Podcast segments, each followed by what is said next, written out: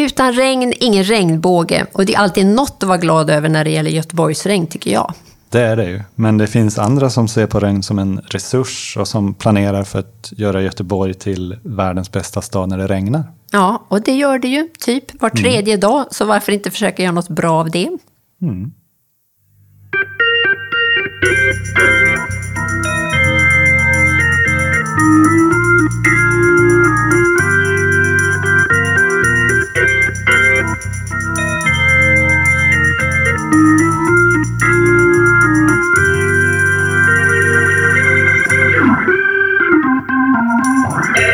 Välkommen till en kvart om Göteborg. Jag heter Ylva. Och jag heter Christian. Och idag ska vi prata om regn, regnkläder och... Och självklart paraplyer. Låt mig börja med relationen till stan och vatten. Okej. Alltså, människor har kommit till Göta älv under tusentals år. Mm. Och nu, flera tusen år senare, så är Göteborgs mest kända skulptur Poseidon. Ja, nej men alltså något får vi väl ändå tänka att det betyder att eh, Kolle med torsken står där på Götaplatsen. Ja, men eller hur? I ur och skur håller det på att påla runt hans fötter. Ja, det är inget problem med regnet där och det knyter ju an till det här konstverket lite längre ner på Avenyn också som har ett regntema. Ja. Eh, men från början så gjorde väl Poseidons skulptör Carl Milles ett heraldiskt lejon på den här platsen, eller planerade för det. Ja, men på vägen byttes det här lejonet då mot Poseidon. En av de här högsta gudarna faktiskt i den antika mytologin. Var det inte så att man trodde att Poseidon hade koll på otäcka oväder till havs också? Jo, det gjorde man. Och att han styrde över farliga undervattensströmmar. Det, de är det bra att ha koll på. Både kanske bokstavligen och bildligt i Göteborg och på andra platser. Ja, det kan vi säga i Göteborg. Nu pratar vi Göteborg i alla fall. Ja. Ja. Men oavsett om det är hav, älvvatten eller regn så är det ju bara en del av det här gigantiska kretsloppet som vi måste förhålla oss till oavsett var vi bor. Hur, vart vill du komma med det här? Ja, men att vattnets kretslopp inte är förhandlingsbart. Alltså vi kan knä, gnälla och vi kan klaga, men det är en väldigt ensidig kommunikation. Hmm, ja, nej, men regnet bryr sig inte om din klagan. Nej, precis. Det här pågår ju tills det upphör och under tiden behöver vi förhålla oss till det. Eh, och förhållas det till det gör ju det här jubileumsprojektet som heter Rain Gothenburg. Ja, det gör det. Men egentligen handlar ju det projektet inte alls om att sälja in att Göteborg är regnigt. Det regnar ju inte ens värst här i Sverige. För det gör det ju som alla vet i Borås. Sveriges egen duschkabin. Ja, Borås är blött. Men 2019 så förlorade den här knallestan utmärkelsen till halländska Torup. Men kom igen nu Borås, ryck upp er. Ja, vi får se hur 2020 utvecklar sig.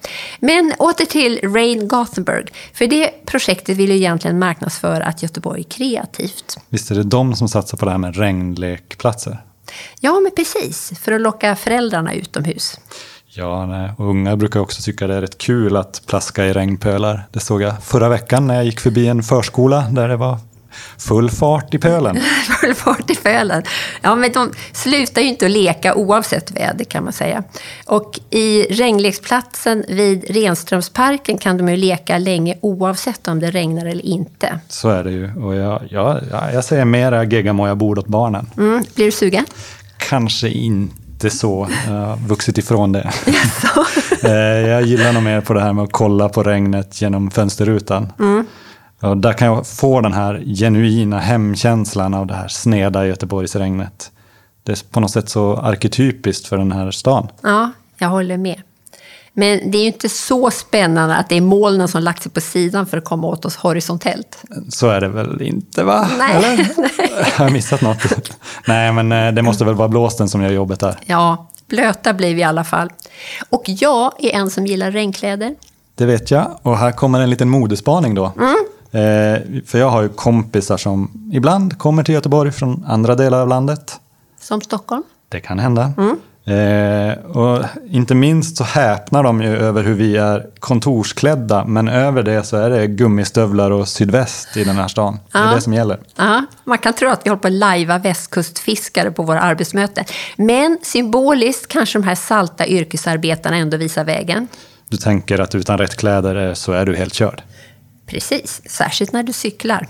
Och packar du inte ner regnbyxor oavsett vad väderappen lovar så är du ju amatör. Ja, vädret kan ju ändras fort. Mm.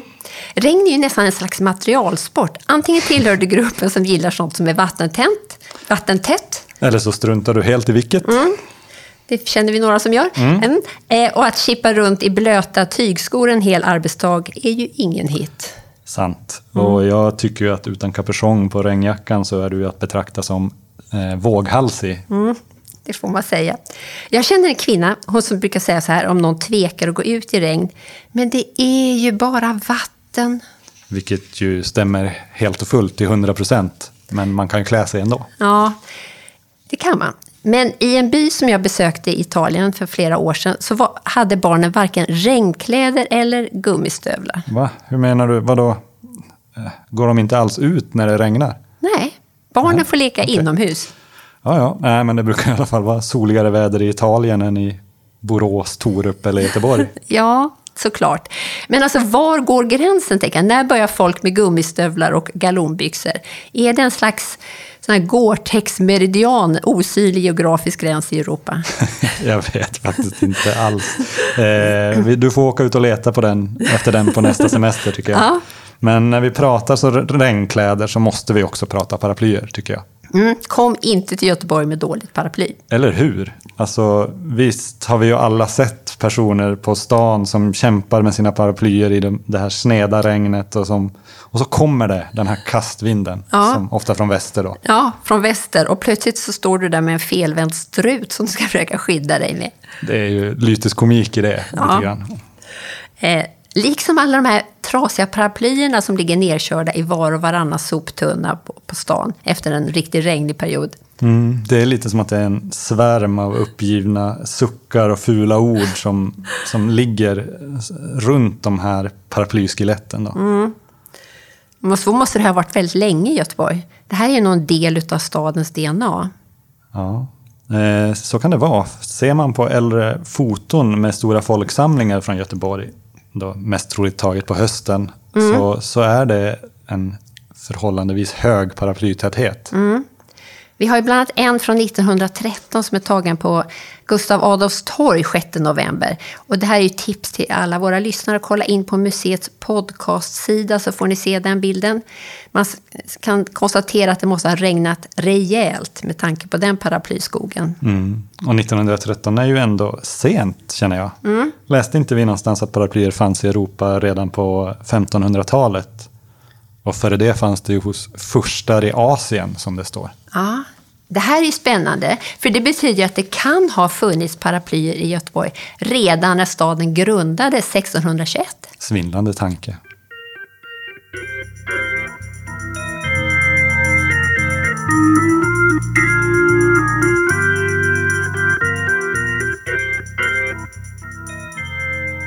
Men troligen kom ju paraplyer med engelsmännen under det sena 1700-talet.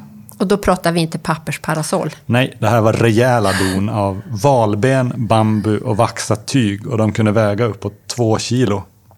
Det finns en rätt kul beskrivning om sjukhusdirektören Jonas Hanway.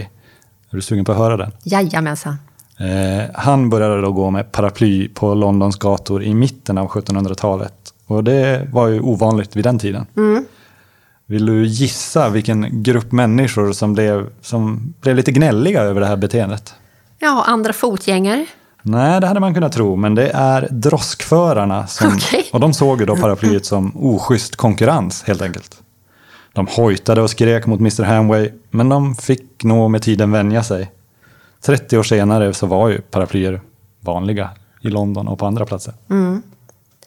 Eh, när slutade de vara så här tunga då? Två kilo låter ju rätt avancerat. Mm. På ni- 1850-talet så uppfanns det här ståltrådsparaplyer. Och 1920 så kom de här hopfällbara paraplyerna som såg ut ungefär som de gör idag. Och i samband med det här måste vi lyfta fram en intervju som gjordes på 70-talet av en intendent på Stadsmuseet som heter Agneta Hermansson. Och hon intervjuade då paraplymakaren Charles Dahlberg från Göteborg. Ja, det här är ju ett av eh, de här guldkornen som museets bibliotekarie Pernilla Karlsson har hittat åt oss. Den här Charles, han var född 1891 på Köpmansgatan 17 och mitt emot en paraplyfabrik som då låg på Köpmansgatan 26. Det här är alltså precis utanför Nordstan idag ungefär. Mm. Och han började ju då hjälpa till i paraplymakeriet redan när han var 12 år gammal. Mm. Han går i sina föräldrars fotspår kan man säga. Mm. Hans mamma hade ju varit föreståndare i en paraplyfabrik och hans pappa var paraplymakare. Men det var nog inte så fett med tanke på att han under sin uppväxt gick i Brackeskolan, alltså skolan för stans fattigaste barn. Mm. Även om han själv poängterar i den här intervjun att han i alla fall inte hade brackekläder utan sina egna. Mm. Det är ändå intressant. Trots att han kommer då från enkla förhållanden så åker han alltså till Tyskland på ferierna för att lära sig mer om jobbet. Ja, nej att åka dit, det känns ju lite som, det låter ju lite som en sån här gesällvandring från sen medeltid, ja, men, i, men i paraplyns tecken. Ja, men faktiskt. Är det inte konstigt? Alltså paraplymakeriet på 1900-talet är fortfarande ett yrke på gränsen mellan hantverk och industri. Eh, och eh, här i stan då hos paraplymakaren Brandt så lär sig Charles att svarva. Han blir ju till och med då utbildad konstsvarvare. Mm. Eh, jag har ett citat. Okay.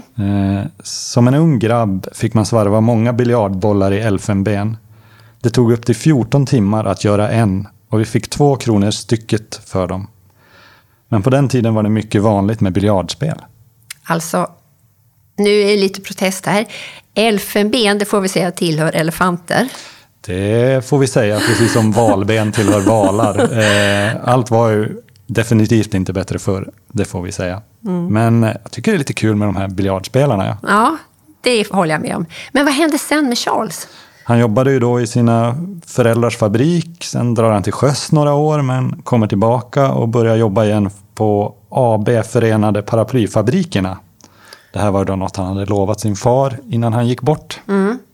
Och den här fabriken den levererar paraplyer till familjens egna affärer på Andra Långgatan, Larmgatan och Kungsgatan. Men så sålde de också till butiker som Turitz, Gillblads, som ju bara fanns för något år sedan, Mets och Törnstens. Mm, det är många platser. Men så hade de ju också 18 hemsömmerskor som hjälpte till att sy ihop tyget och sätta upp dem på den här ställningen. Då. Mm.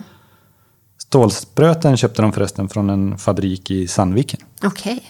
Alltså jag hade ingen aning att det var så många moment och olika yrkeskategorier inblandade i ett enda paraply. Nej, bland gemene man är väl det här en helt bortglömd kunskap idag. Mm. Och att det här stora nätverket i Göteborg som hade kontakter utomlands. Charles åkte ju till Tyskland för att lära sig om paraplyarbetet. Mm. Och tydligen fanns det liksom en stor paraplyfabrik i Königsberg i Bayern då som eh, han åkte till. Och från den tyska fabriken så fick de paraplytyg av bomull. Och så här berättar han. Där gjorde de 2000 paraplyer per dag. Den fabriken var egentligen vår nyhetsspridare, men man fick också hänga med i det franska modet. Lite industrispionage. eh, väldigt europeiskt, men inte alls engelskt. Nej, men det här trodde jag inte alls gällde i lilla London. Eh, och vi ska väl också säga att det var ju då svarta paraplyer som gällde för herrar. Och kulörta för damer. Eh, och här kommer lite mer info som jag inte hade en aning om. Okay. Charles säger så här. Eh, var det en dag det regnade under 1920 och 30-talen så hade man upp till 100 reparationer på en dag. 35 öre kostade ett spröt och 50 öre för två. Numera kostar ett paraply från Kina inte mer än ett nytt spröt. Herregud. Ja. Det hade varit något idag för att göra Göteborg lite roligare tycker jag när det regnar. Att du kan få ditt paraflax lagat. Det här kanske är något för Göteborgs fixotek att Bra tänka idé på. Ylva. Mm. Eh, men så är det ju lite grann det här med massproduktionen då idag. Han pratar mm. om Kina där. Ja, det kanske inte är lönt ekonomiskt. Men å andra sidan så ska vi ju spara på planetens resurser. Så, mm. ja. ja, jag håller helt med. Eh, men man kan säga att under en era då Charles var yrkesverksam, alltså under 1900-talet fram till 70-talet, eller 60-talet i alla fall, då var ju fortfarande hög kvalitet på alla paraplyer och så var det svung i businessen. Ja, men bra förtjänst och enligt honom så konkurrerade ju heller inte paraplymakarna ut varandra. De var lagom många. Mm. En av Charles konkurrenter som hette Jensens para paraplyfabrik. Den låg i hörnet där Akademibokhandeln ligger idag. Alltså i hörnan Södra Larmgatan, Västra Hamngatan. Där finns också en fin bild på museets podcastsida som visar den här platsen. Och passande nog med lite våta kullerstenar. Mm. Regnet alltså. Men mm. då blir det en quiz, quizfråga till dig. Vi har mm. dåligt väder, vi har paraplyer och så har vi en sång och dansman. Vad blir det? För lätt. Uh, Sing in the rain, säger jag. Ja, vad du är så duktig. Gene Kelly alltså. Han vet ju hur man framgångsrikt dansar i vattenpölar. Ja, eh, och paraplyer bygger ju verkligen det här med populärkultur. Mm. Jag tänker bara på den här filmen Paraplyerna i Cherbourg från 1964 av Jacques Demy. Ja, det är en klassisk rulle har jag hört. Mm. Men när det gäller populärkulturella ikoner så finns det ju också Mary Poppins med sitt magiska paraply. Och, ja, vi har en Nalle Puh som seglar i Christopher Robins svarta herrparaply. Och, ja. och fler låtar om paraplyer som mm. Siw Malmkvist, Regnet är bara öser ner. Eh, och vi har ju den här Under My Umbrella. Umbrella, Umbrella, yeah. Mm. Uh, Rihanna, Rihanna, Rihanna ja. ja. Ja, man kan säga att paraply är en slags tillfällig arkitektur som vi kan bära med oss och försvara oss mot regn, men inte mot ryska agenter. Nu tror jag att du har läst och tänker lite på det här paraplymordet i London 1978 på den här bulgariska dissidenten och journalisten Georgi Ivanov Markov. Ja, men det mordet det utfördes ju med ett giftspetsat paraply av någon som talade bruten engelska, troligen en KGB-agent. Ja, det är kusligt på riktigt, också med tanke på att det aldrig riktigt blev uppklarat. Nej. Men det här hämndbegäret då blev ju åtminstone, åtminstone delvis bearbetat av James Bond tre år senare. Mm, nej, nu hänger jag inte alls med. Nej, men det är lite långsökt, okej? Okay? Men i den här filmen, For your eyes only, då vandrar Roger Moore runt i sin medhjälpare Q-slab när en kvinnlig assistent visar hur snabbt ett paraply med vassa hullingar kan liksom fällas ihop runt terroristens hals och döda honom. Mm, och vart leder det här oss? Ja, men då får ju Roger Moore säga den här repliken. Stinging in the rain. Vilket ju var just vad kanske många britter och andra önskade att de kunde göra med den här ryska KGB-agenten. Mm. Då fick vi alltså in en Göteborgsvits på det. Eh, långsökt är ju bara förnamnet. Så vi, ja, jag tror faktiskt vi ska ta och sluta för idag. Ja, men jag säger också det då. Tack för att ni har lyssnat. Ja, tack för mig också. Men vi kommer faktiskt att återvända till temat regn i ett framtida avsnitt. Mm, och då kommer vi berätta mer om den här risken för översvämning. Och lite hur lilla London kanske kan bli lilla Venedig. Mm, en kuslig historia det också. Ja, men vi hörs! Det gör vi. Mm. Hej, hej. Hej.